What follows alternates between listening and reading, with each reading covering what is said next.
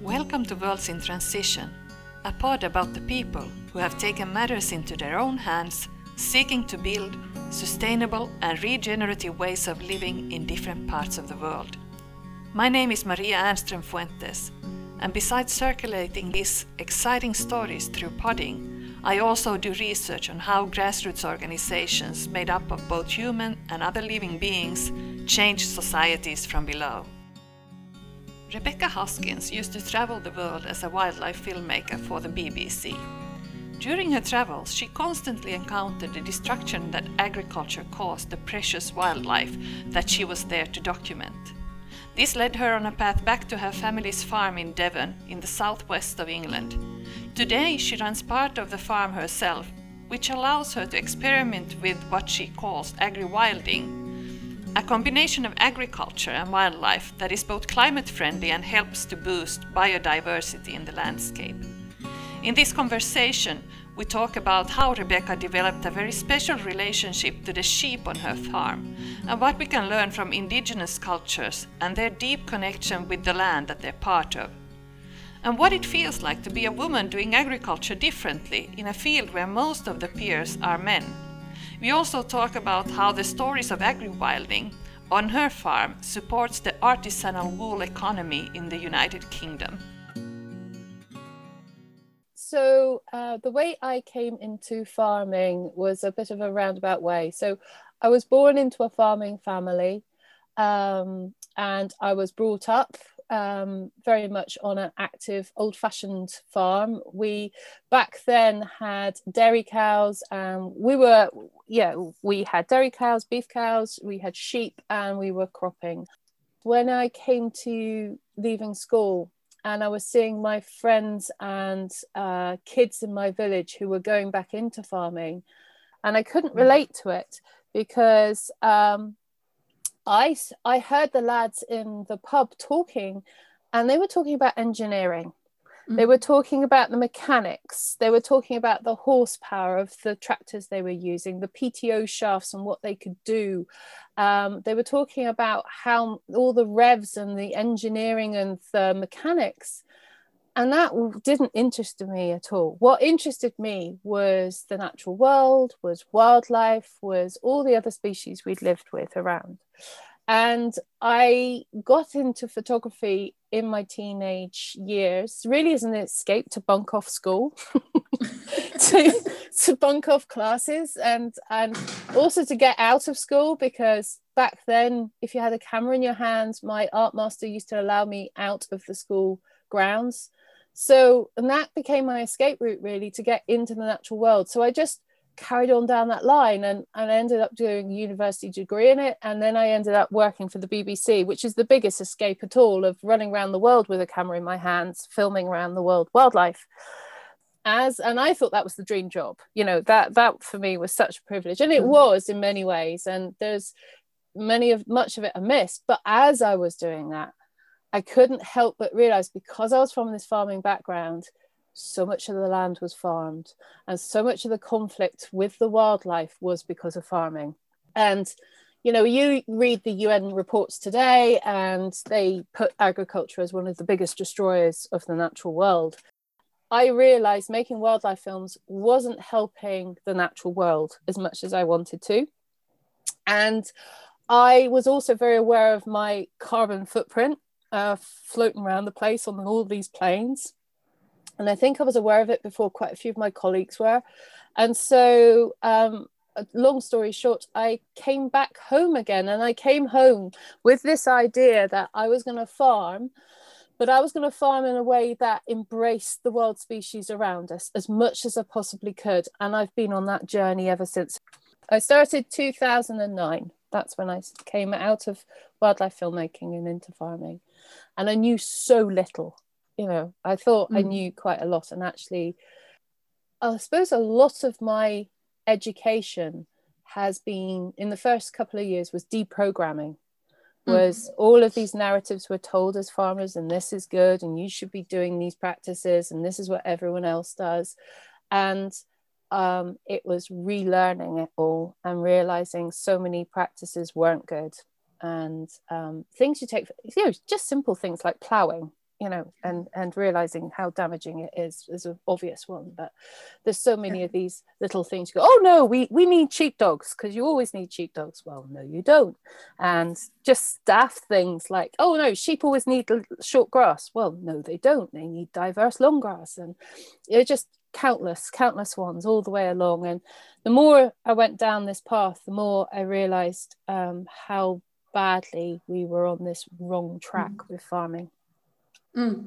Yes, that for someone that comes from a farming background is quite difficult to do away. Very, very difficult, and very difficult um, to do it in my community and mm. to do it within my farming family and I got it wrong. I'll fully admit, um, uh, with my late partner back then, sadly, he died a couple of years ago, but we went in um, full tilt.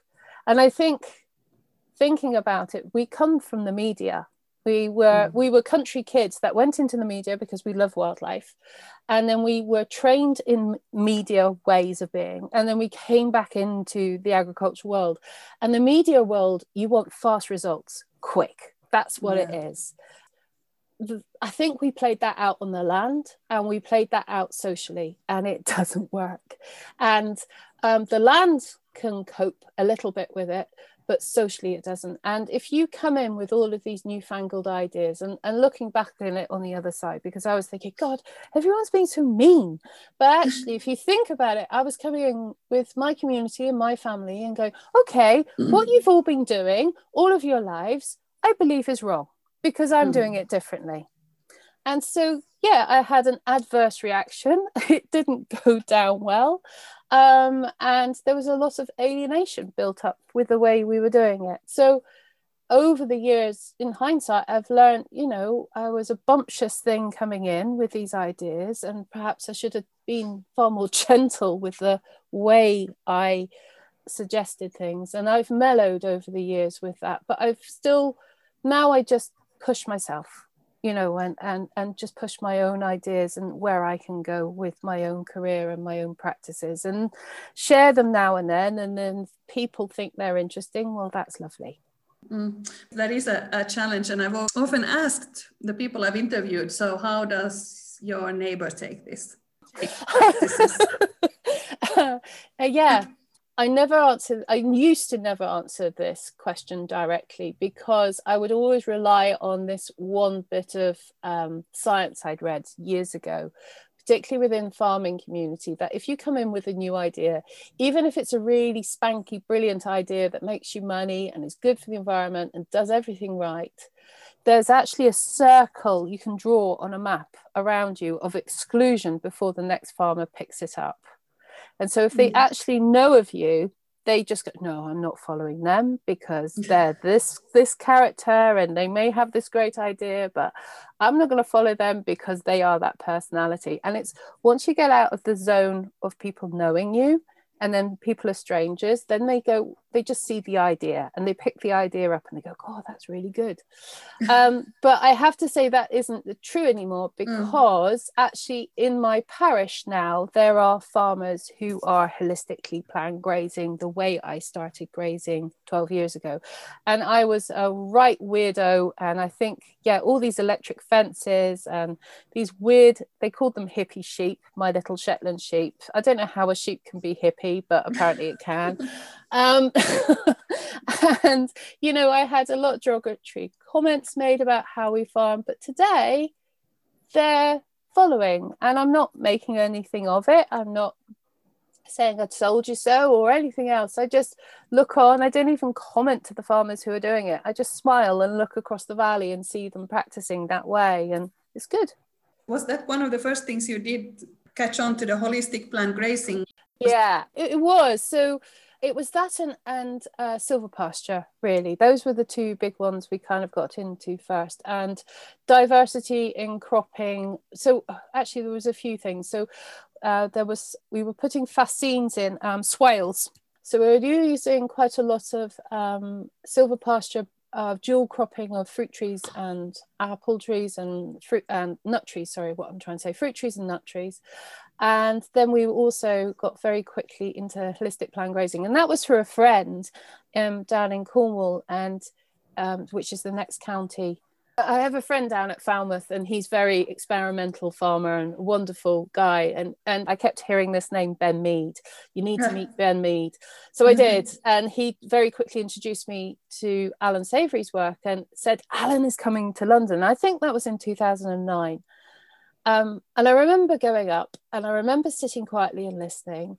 And obviously for people who don't know about alan's work um, it's all in hot countries. It's based he mm. started it in zimbabwe and it was about watching the wild herds in africa migrating and realizing the beautiful rich grasslands they had compared to the confined livestock that was turning grassland to desert.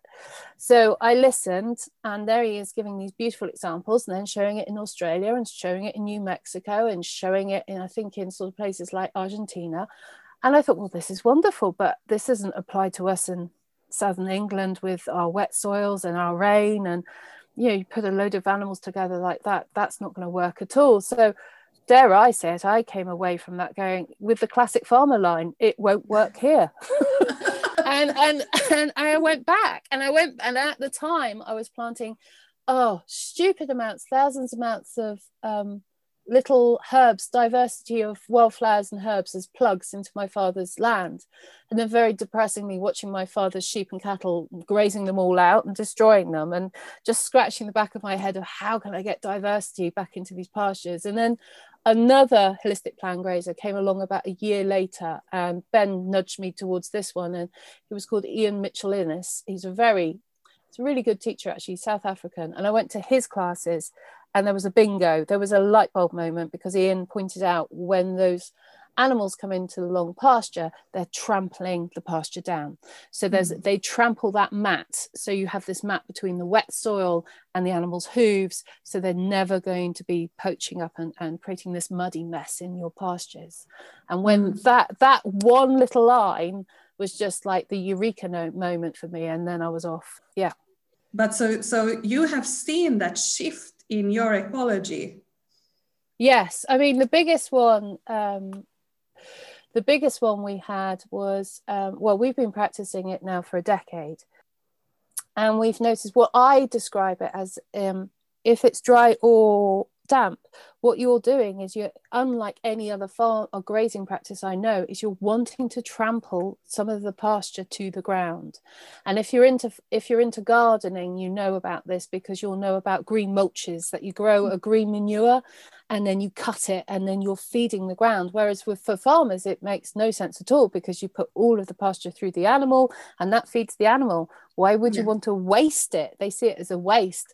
And so it's a real education to realize you're feeding the soil. Gardeners get it instantly because they use the practice of mulch, but farmers struggle with this. So this mulch I describe as a vegetative duvet.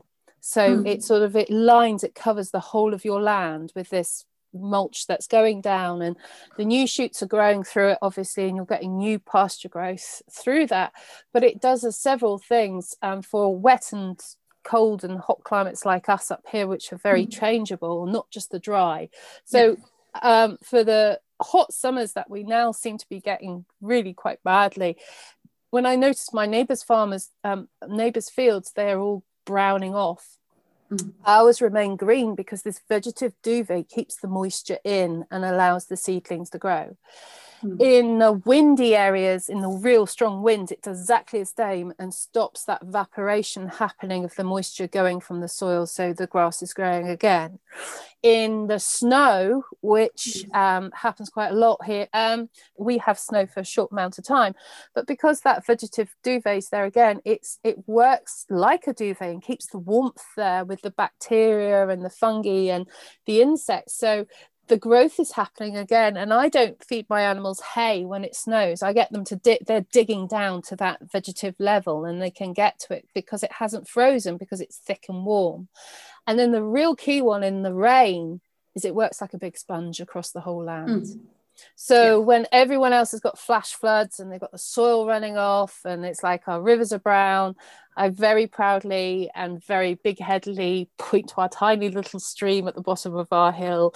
Um, I'm really proud of it. Well, it's not big headed. I'm just proud because it's hard work and we've achieved it. And there's a tiny amount of water, tributary coming off. It hasn't blown and exploded in the amount that's pouring down. It's still clear. And when my neighbours is looking like tomato soup pouring off his land, I can still count the pebbles and see the clearness on our water. And that's literally because of that duvet across the land is soaking it down and just letting the water penetrate slowly into the soil. We're having far more you notice it with the small mammals and um, we have we a lot of vole activity because now they can actually get into the soil where they couldn't before because of the compaction. Yeah. and you also what i describe it as you see the tree roots wiggle their toes because we're not driving on it, when you walk past the big standard tree on our farm now, one of the big mature trees, you walk out past on the pasture, it's so soft and downy because they've wriggled their roots and they've re- released them up to the soil. I, I was reading a really interesting fact the other day because I'm currently writing a book, and mm. a reason why horses and plows went out of fashion here, and it wasn't because tractors were that much better. Um, in the same way that I'm sure when the first muskets were used and the first sort of very primitive guns, the bowyers were far better with their bows and arrows. Mm. It was literally because when they started to put the tractors on, they were compacting the soil so much that the horses couldn't get the plows back through the soil. The soil was that much more. Imagine how downy the soil must have been before tractors. And so the horses didn't have the energy to get through the compaction once the tractors had been through and that was the done for so you were on that path to tractors whether you wanted to or not as soon as you put the tractors on the soil so mm. i just found that a fascinating fact because you always think oh modernity and technology yeah. was just far better no we actually stopped it with physically stopped it with what we yeah. did to the soil uh, is it so then that also the trees keep on standing in hard storms when you have better roots yeah i th- I, I think so so I had to explain where we are. We're in the southwest tip of England, so the so the pointy bit that goes into the sea across from France, the further southwest bit down there. So, but in the winter we do face huge Atlantic storms coming in. That's, mm. but um, has it made the trees actually stand?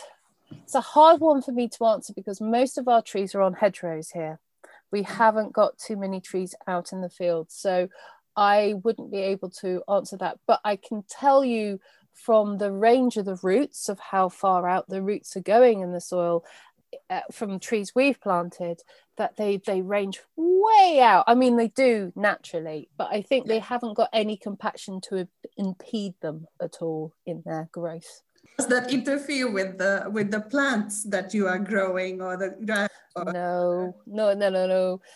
I'm always amazed by that one that with farmers still especially in my area where wind is a real problem because we have the atlantic winds coming in that they still believe they still think trees are detrimental to pasture growth and herb growth or crop growth. And so they will cut all of their trees off their hedges that they think that sunshine is the most important factor to the growth of their crops not that wind actually really hampers the crops um, or and when i say crop i'm including pasture as well any mm. plant you know if you've got wind buffering going on they're just going to put all the energy into the roots to literally hold on in the same way we mm, would mm. like plant our feet down and not move in a strong wind and you don't put it into length above because why would you want to grow tall if you're being battered the whole time you want to just put it into the roots so no it doesn't i mean the class it was really interesting i heard this in a, um, a native american um, podcast I was listening to the other day, and it's obviously a universal rule because I've learned actually from Sweden because they've done a lot of agroforestry there. Mm. It's 13 trees per acre. That seems to be the rule 13 trees per acre, and it doesn't affect what's underneath the whatever you want to grow underneath. That gives enough light underneath. If you want to have whatever you're growing now and you mm. don't want to hinder it, yeah. 13 trees per acre and it will still grow exactly the same that's that's the sort of rule they say of course you can grow a lot more densely and then have shade tolerant plants under there and you change your crops and or whatever you want to grow that's yes goes yeah. without saying but yeah. if you say you what you have whatever you're growing at the moment that's used to sunlight you can put up 13 trees within that acre and it won't affect it at all I actually have heard it higher than that, but it was really interesting that I've heard that as a sort of general rule from Sweden. The only reason I pick it up is because I was listening to a very random podcast the other day, and it was old knowledge from um, from Montana of all mm. places, and they had a First Nation speaker there. And I only just sort of stopped in my tracks because they said, well, we always used to say is it's 13 trees per acre and it doesn't stop the growth underneath. And I went, oh, okay. So that's been worked out many times around the place. That that's obviously a sort of guiding rule. And it isn't as precise as that at all, I'm sure. And it depends on the tree and you know, it depends on the leaf growth of the tree. And uh, I mean, it's not that common I have come across that farmers realize that they are that that this or i think that they experience it but in words do not uh, see that they are part of that nature or or that they're not mad or some that the separation is not there. Yeah. Yeah. I think it's been a gradual path for me and it certainly i'm still on it you know and i think i'm going to be on it for a very long time and further tripping down it. Um i think the first key bit i think came about from getting rid of sheepdogs so when I first came in, because sheepdogs are very much part of our culture here of working with sheep, you have your your border collie sheepdogs that you're with. It's very British. Um, mm. And I had tragedy with my dog um, in that he developed epilepsy and I, I, trained him up and it took two years and he developed epilepsy and died. I was so traumatized from it and I put all that hard work and bond into him and I just couldn't do it again. So I, I remember turning to the sheep and going, right, no dog, I'm going to work with you. So that was the sort of the first link beforehand, because before you have this bond with your dog and you almost see the sheep as another entity, this entity you push around the place with your dog, and your relationship is with the dog, and the dog is there as a tool to push these these sheep around. Mm. But once I got rid of, well, once the poor dog died and I got rid of the idea that I wasn't going to have another dog, I, I decided, okay, well, I'm going to work with the sheep. So, so I did. And then I realized the sheep have personalities and you have matriarchs within the flock and you have leaders and you have cowards and you have cheeky ones. And they weren't, they suddenly had personalities themselves. And then because of holistic planned grazing, because of the way Alan Savory teaches it, of you are replacing the predator. In Africa, there would have been a hyena or a lion to push the herd around. Well, we have none of those in South Devon, so you are the predator. So that sort of pushes you into a role within the landscape that perhaps you wouldn't think if you were just a normal farmer tending your sheep. You start to think of yourself as part of this dynamic of moving around the landscape.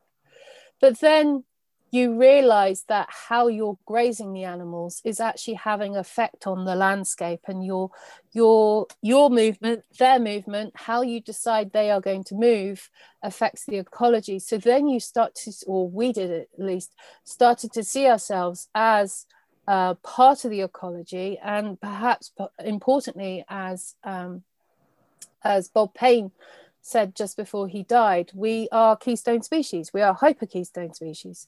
So I remember writing about this in 2015. Mm. And then quite a few farmers in the regenerative farming world jumped on that, went, Oh, we are, yes, we are, and, and really liked that idea. But if I was going to be critical, what wasn't taken up so much was this idea of and if we're going to be keystone species, we're going to have to have the respect. We can't just say we're keystone species and carry on just bouldering around the place, destroying everything, and then give the excuse, yeah, but we're keystone species, so we can do this because we just destroy and we change landscapes. You, you know, we need to um, we need to have the mentality there and the ethics and the ethos there to appreciate this power we willed Mm. So that's then got us into thinking, and this is my um, my ex partner Tim, who who very sadly died. He coined this word word called agri-wilding, Mm. And um, it was this sort of halfway house between rewilding, which we have in the UK, and it's quite mm. a big movement, and agriculture. And it was, I wonder now if he was alive, I do wonder if we would have called it that now, because it sort of sounds like we're halfway between the two. And those two here, sadly, butt heads so much the rewilders and the farmers. And I don't really want to be in the middle of that. um, the perfect I, place to be. no, it's not the best place to be, you know. So I think we were working off to a side of that. And, you know, there's both camps have valid, very valid points. And I'm very much boot in both camps, but I can see there's pitfalls with both ways as well of land management. And so I suppose we were sidestepping out of that argument and seeing if there was an alternative um, and seeing if there was another way that was a uh, complementary to both of them in a way. And that's where we were going. And then sadly, Tim died. And mm. then I, um, I carried on really, and I carried on. It was really from his death.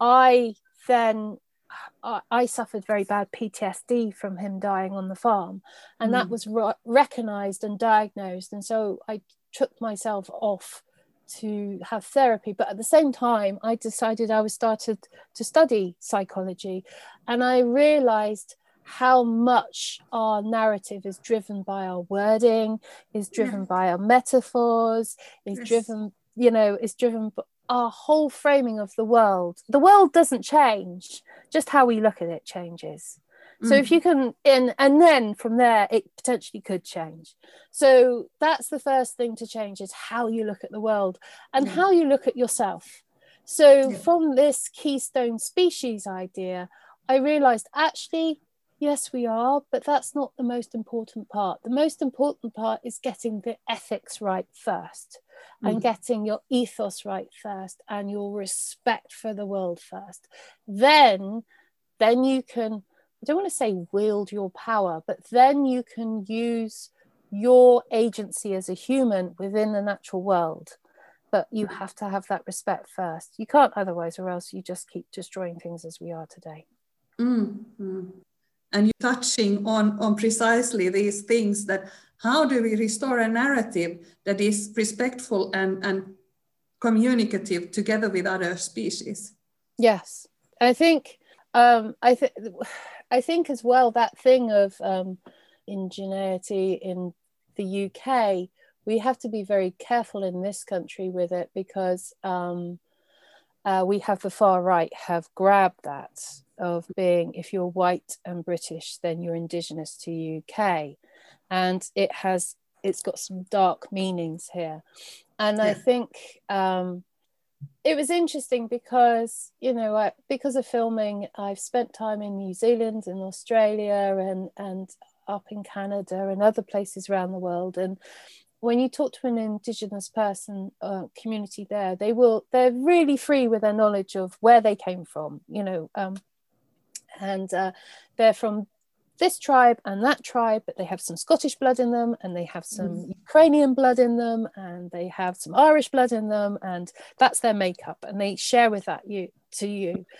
And I was thinking that in this country, if this you can't say that here, you know, because if you look at say, okay, take me, so I'm half Cornish, half Devonshire, and um, ancestry.com. I don't know if you have that up in Finland, but it's yeah. yeah.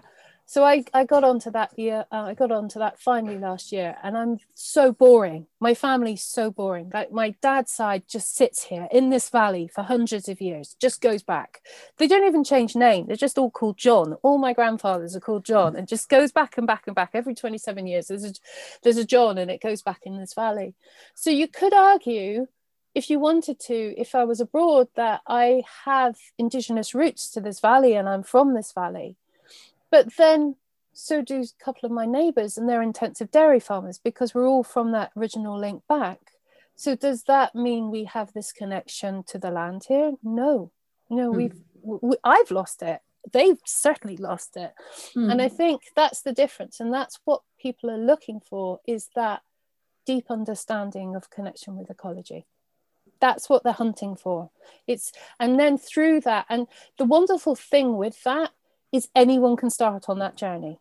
And all you have to do is pick the land. And i say i think the actual culture comes from the land.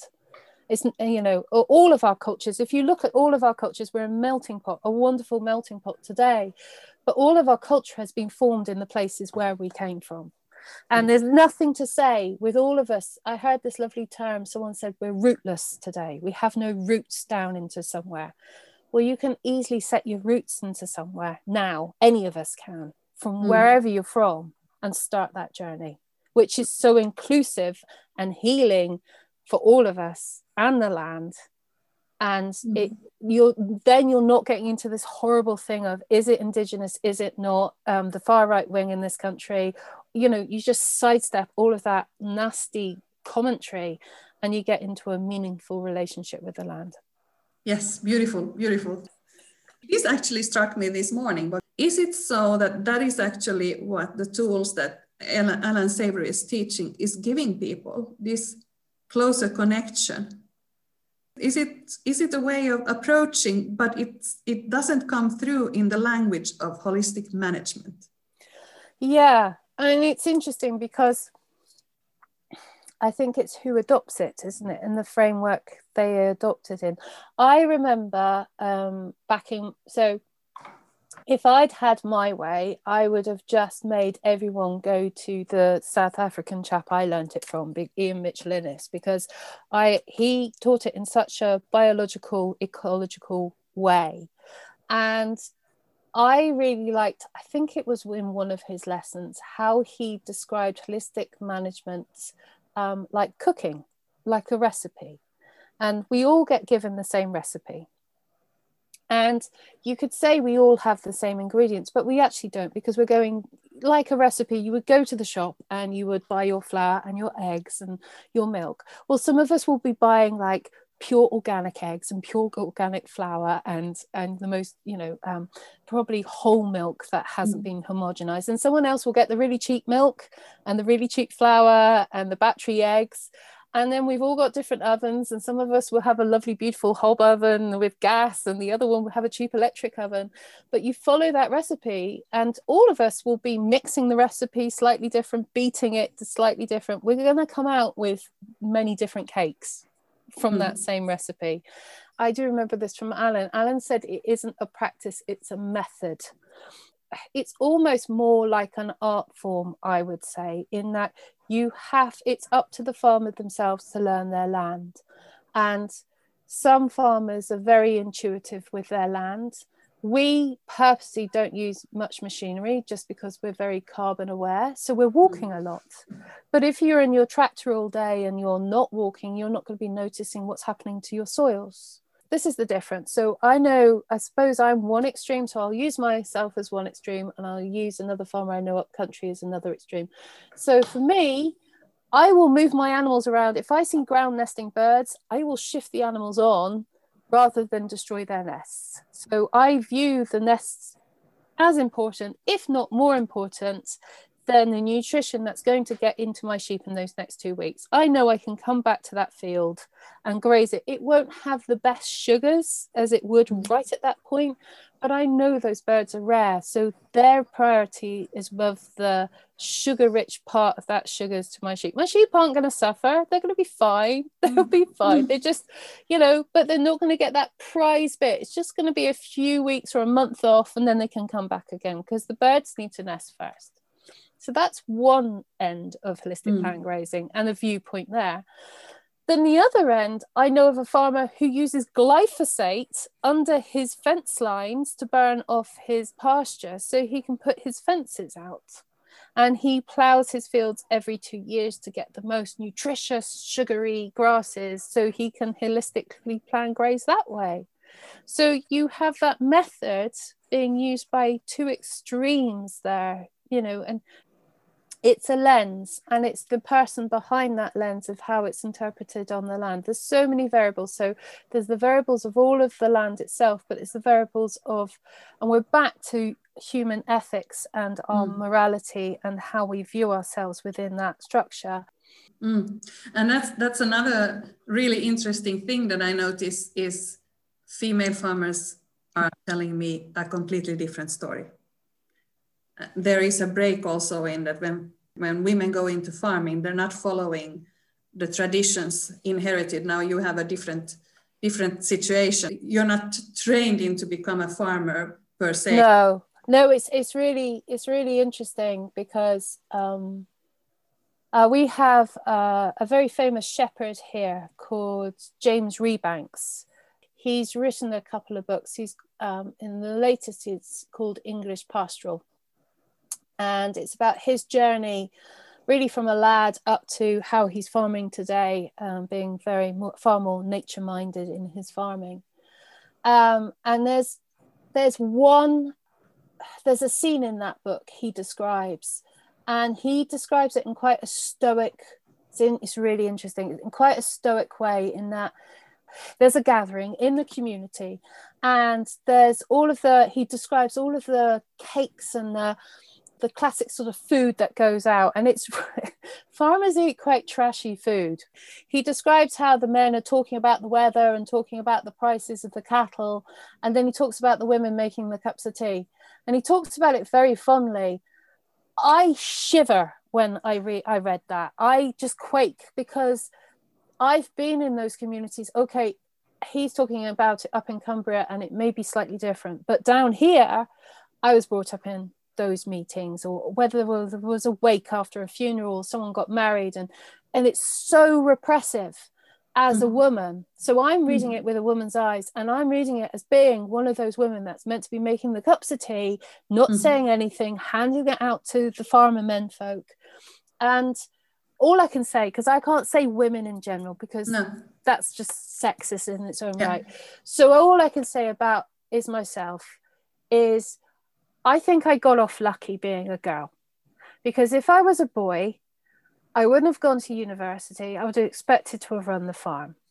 And I would have been conditioned in, and like you said, I would have been trained into the old ways, and this is the way you do it, and this is what we expect from you, and this is the results we've always got, and this is the breeding we're doing. Whereas because I was allowed, because no, not allowed, but because I was like, she's not a boy, you know, she can go and do her own job.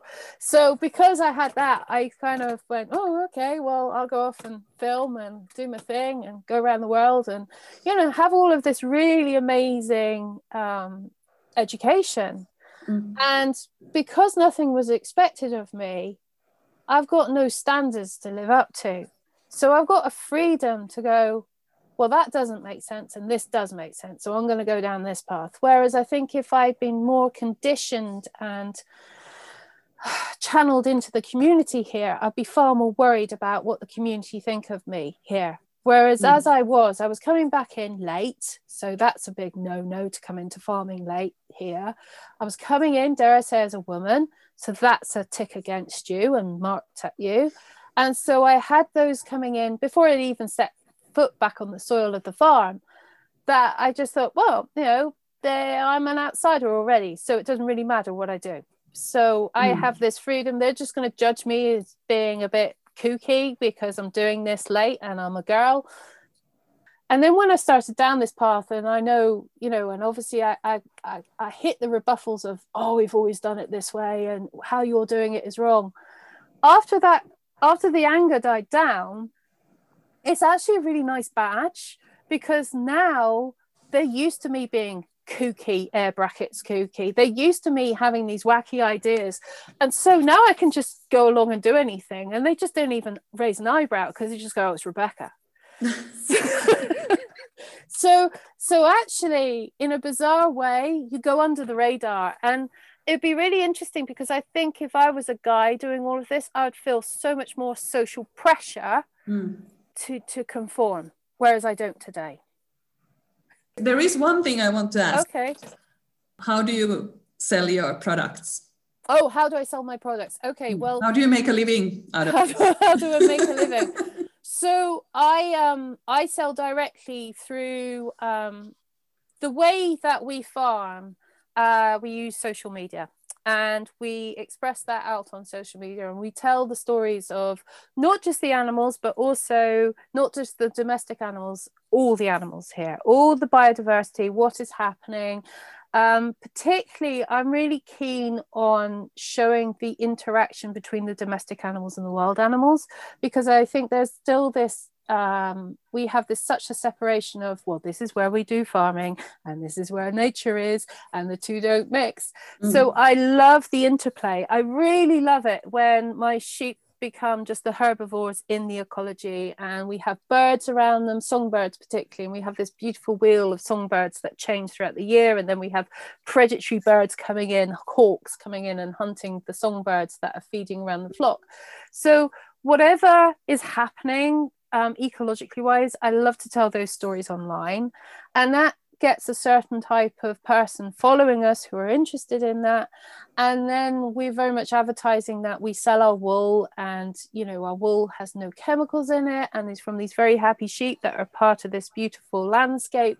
And you can be have part of that wool and then you're supporting us doing what we're doing. So I sort of bring the customer into our story and they very much know they're supporting the way we farm here and what happens here you can have a product of that and that's how we're selling our wool so all of it is just literally through social media i don't make an income from them today because i'm doing mm. other jobs but mm. they pay for themselves and i don't take any grant money for them either and so they happily pay for themselves and a bit extra in the kitty for whatever maintenance we need. So that for me is a pretty good business of 100 sheep just selling their wool. You know, for no no problem with customers at all. We could sell it probably three times over what we're producing. And I think because I did a talk the other day to a load of farmers in Somerset, and um, at the end of that, I just gave the prices of our wool. I didn't say how we sold our wool, but I just said this is how much we get per fleece. So 16 to 30 pounds per fleece. And you can almost it was online, but I was waiting. You could hear the pin drop the other end because they're used to getting pennies for their fleeces, or you know, or not covering the shearing cost. Um, so what I'm doing is quite unusual for the UK, I should say as well. So the UK, yeah. you know, they they will be selling through the Wool Board, which is yeah. a national federation, or they will be they'll just be burning it so to actually have and they were through covid. So uh, to actually have your flock being paid for all the med bills all the upkeep through the wool it's just not done. So. But but this is now really interesting. Now uh, because i was just assuming that you were selling the meat and now you're selling the wool and mm. here is problem waste and you have to pay to get rid of it. Oh really? Yes but but to get to to the point that you can actually pay for the sheep by selling the wool that sounds like a long journey. I think well the thing is you i take it you've got the finnish have you got the native little finnish sheep up with yeah, you? yeah the finnish sheep yeah. Yeah well there's a huge demand for their wool. Here my sheep are shetlands cross Iceland, icelandics. And mm. um, because people love the Icelandic wool and they love the Shetland wool. So we have if you think about the UK, we have a big wool. Well, historically, we've had a big wool culture here. You know, um, there are there is a huge wool culture, crafting culture out there that that loves this thing. And I'm just thinking of like commercial sites like Etsy, and you see people selling raw wool on Etsy for ridiculous prices since the economic down, downturn in 2008, um, culture has changed. It has changed in the UK, particularly. There's a lot more land based people, a lot more younger land based people, um, and a lot more crafting people. And they mm. are looking for direct buying from farms.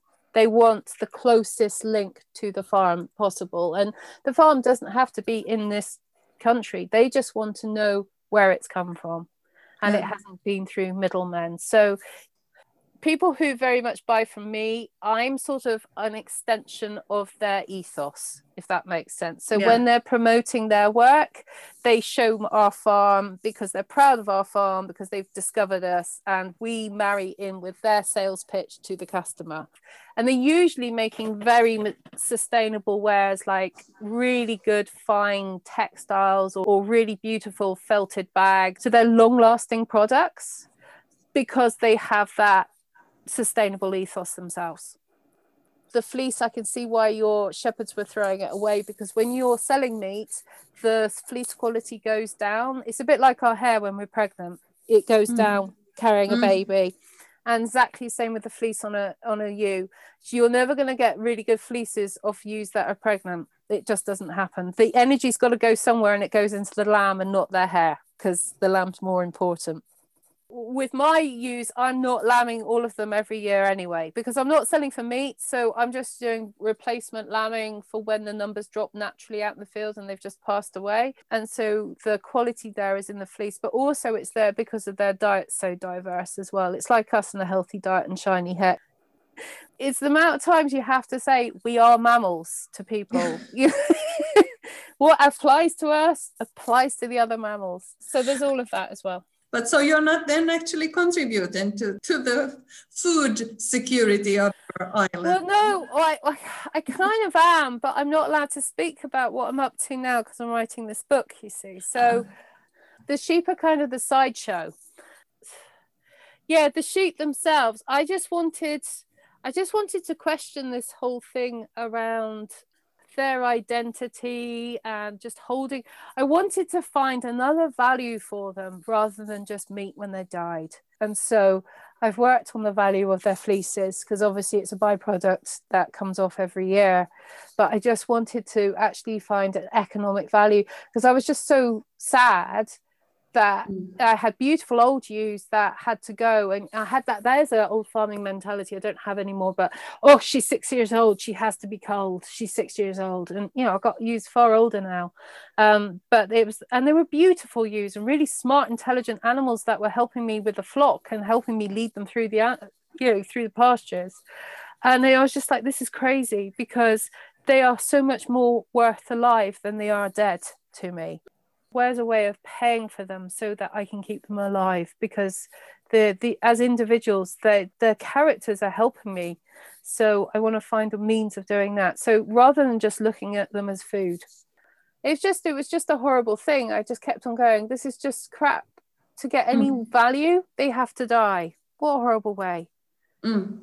Well, that is also, I think, why many consumers go into the vegetarian plant. Yeah, I mean, I was talking to um, I was talking to I don't know if you've come across Farmerama, the radio podcast Farmerama. So I was mm-hmm, being mm-hmm. interviewed mm-hmm. by Abby the other day, and she was quizzing me because obviously Farmerama's listened to by all the farmers, and there I am saying I'm not killing my sheep anymore, and and she goes, well, how can you justify this? And you know, and are you now vegan? And and I went, no, I'm not because I understand death is part of life. You know, that's the circle. And the way I think about it is, you know, I am this body of energy now, and you are Maria in your energy now and then eventually one day we're going to pop our clogs and then our energy is going to go into the soil and the earthworms and feed that and then our energy disperses and goes into the plants and then the plants are fed into animals and our energy spreads into many animals in that form and then those animals are either hunted or predated and they go off as well and our energy spreads out. And right at the moment those little sheep are just like the energy embodied in those sheep as they are now. And mm. there's nothing wrong with that you know, as individuals. In the same way, I like my, you know, my cat. I like how the energy is in her at the moment, and I and I appreciate her as an individual. So it's not that I'm anti meat or anything. I just really value those little sheep for getting me through a hard time, and I just want to find a way of them paying their way so I don't have to kill them. And wow. then we have this whole discussion about what's a pet what's mm-hmm. domestic what's you know a working animal and we put all these roles and titles and we've got to divide animals into and different life forms into all of these different routes where production actually, units Oh God, don't. Yeah.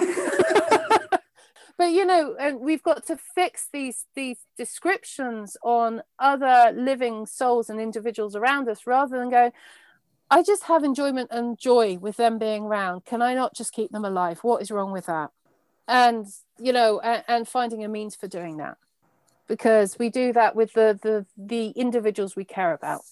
I can tell a farmer now from the animals he breeds and how he farms his land. Like mm. pe- people, you know, when people pick up newspapers from the newspaper stand, you go, "Oh, you're a reader," and so you make your judgment on them or what paper they're reading. I do that with the animals in their fields and how their hedgerows are and their crops, and I think it's because we have bent the landscape out of all shape and will with fossil fuel that mm. uh, farmers' personality now is so prevalent because mm. the one thing that plays out is your personality on the land. And because you have so much power with the fossil fuels, you can change that land to your personality, to your take, and to what you require and what you desire. So mm. you can, I can look across, and if they got Beltexes in their field, or if they've got Devon Longwools, you know they're two very different characters. And if they're leaving field margins for wildflowers, but um, they're flailing their hedges down tight, you know, it's a certain type of character. But if they're leaving field margins and then they've got beautiful, great big wild woolly hedges, you know, there's another type of character. And if they've got no field margins and they've got Soddle hedge left, you know, they're another character again. And you can just look across, you go, oh, okay. And it is like re- people picking up newspapers from a stand. You go, oh, you're that reader. Okay. you got that worldview. And it's just the same. Thank um, you so much for your time. And this no was worries. amazing. Lovely to speak to you. You have listened to Worlds in Transition, a podcast series about the people who have taken matters into their own hands and started to build sustainable life forms in different parts of the world. My name is Maria Ehrnström Fuentes. Thank you for listening.